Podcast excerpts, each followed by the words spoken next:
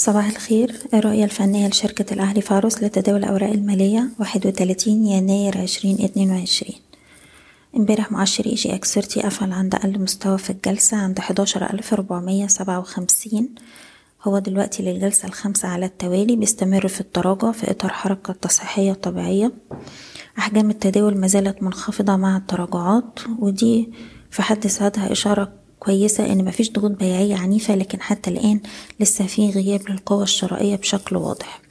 امبارح المؤشر قفل تحت مستوى الدعم بتاعه حداشر ألف وخمسمية ولو استمر في التداول أسفل حداشر خمسمية بقى معنى كده هيروح يجرب على حداشر ألف تلتمية وخمسين. أول إشارة إيجابية بتظهر لو قدر يعدي الهاي بتاع آخر جلستين عند حداشر ألف خمسمية وستين وفي الحالة دي هيبقى في مجال إن إحنا نشوف ارتداد وهيبقى عندنا المقاومة التالية عند حداشر ألف ستمية وخمسين. في الوقت الحالي إحنا بننتظر إشارة شراء جديدة وبنستغل أي محاولة للارتداد لتخفيض المراكز لغاية ما يظهر لنا قوة شرائية واضحة.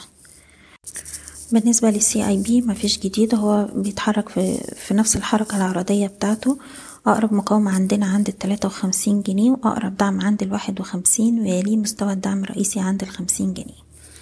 هنتكلم النهاردة على سهم السويدي رغم تراجع السوق لكن السهم على مدار آخر خمس جلسات ما بيعملش لوهات جديدة. بالتالي إحنا هنراقب مستوى الدعم عند التمانية جنيه وتسعين قرش طول ما هو محافظ عليه في مجال إن هو يشوف محاولة للتماسك والارتداد وأقرب مقاومة هتكون عند التسعة وربع ويليه مستوى التسعة جنيه خمسة وستين.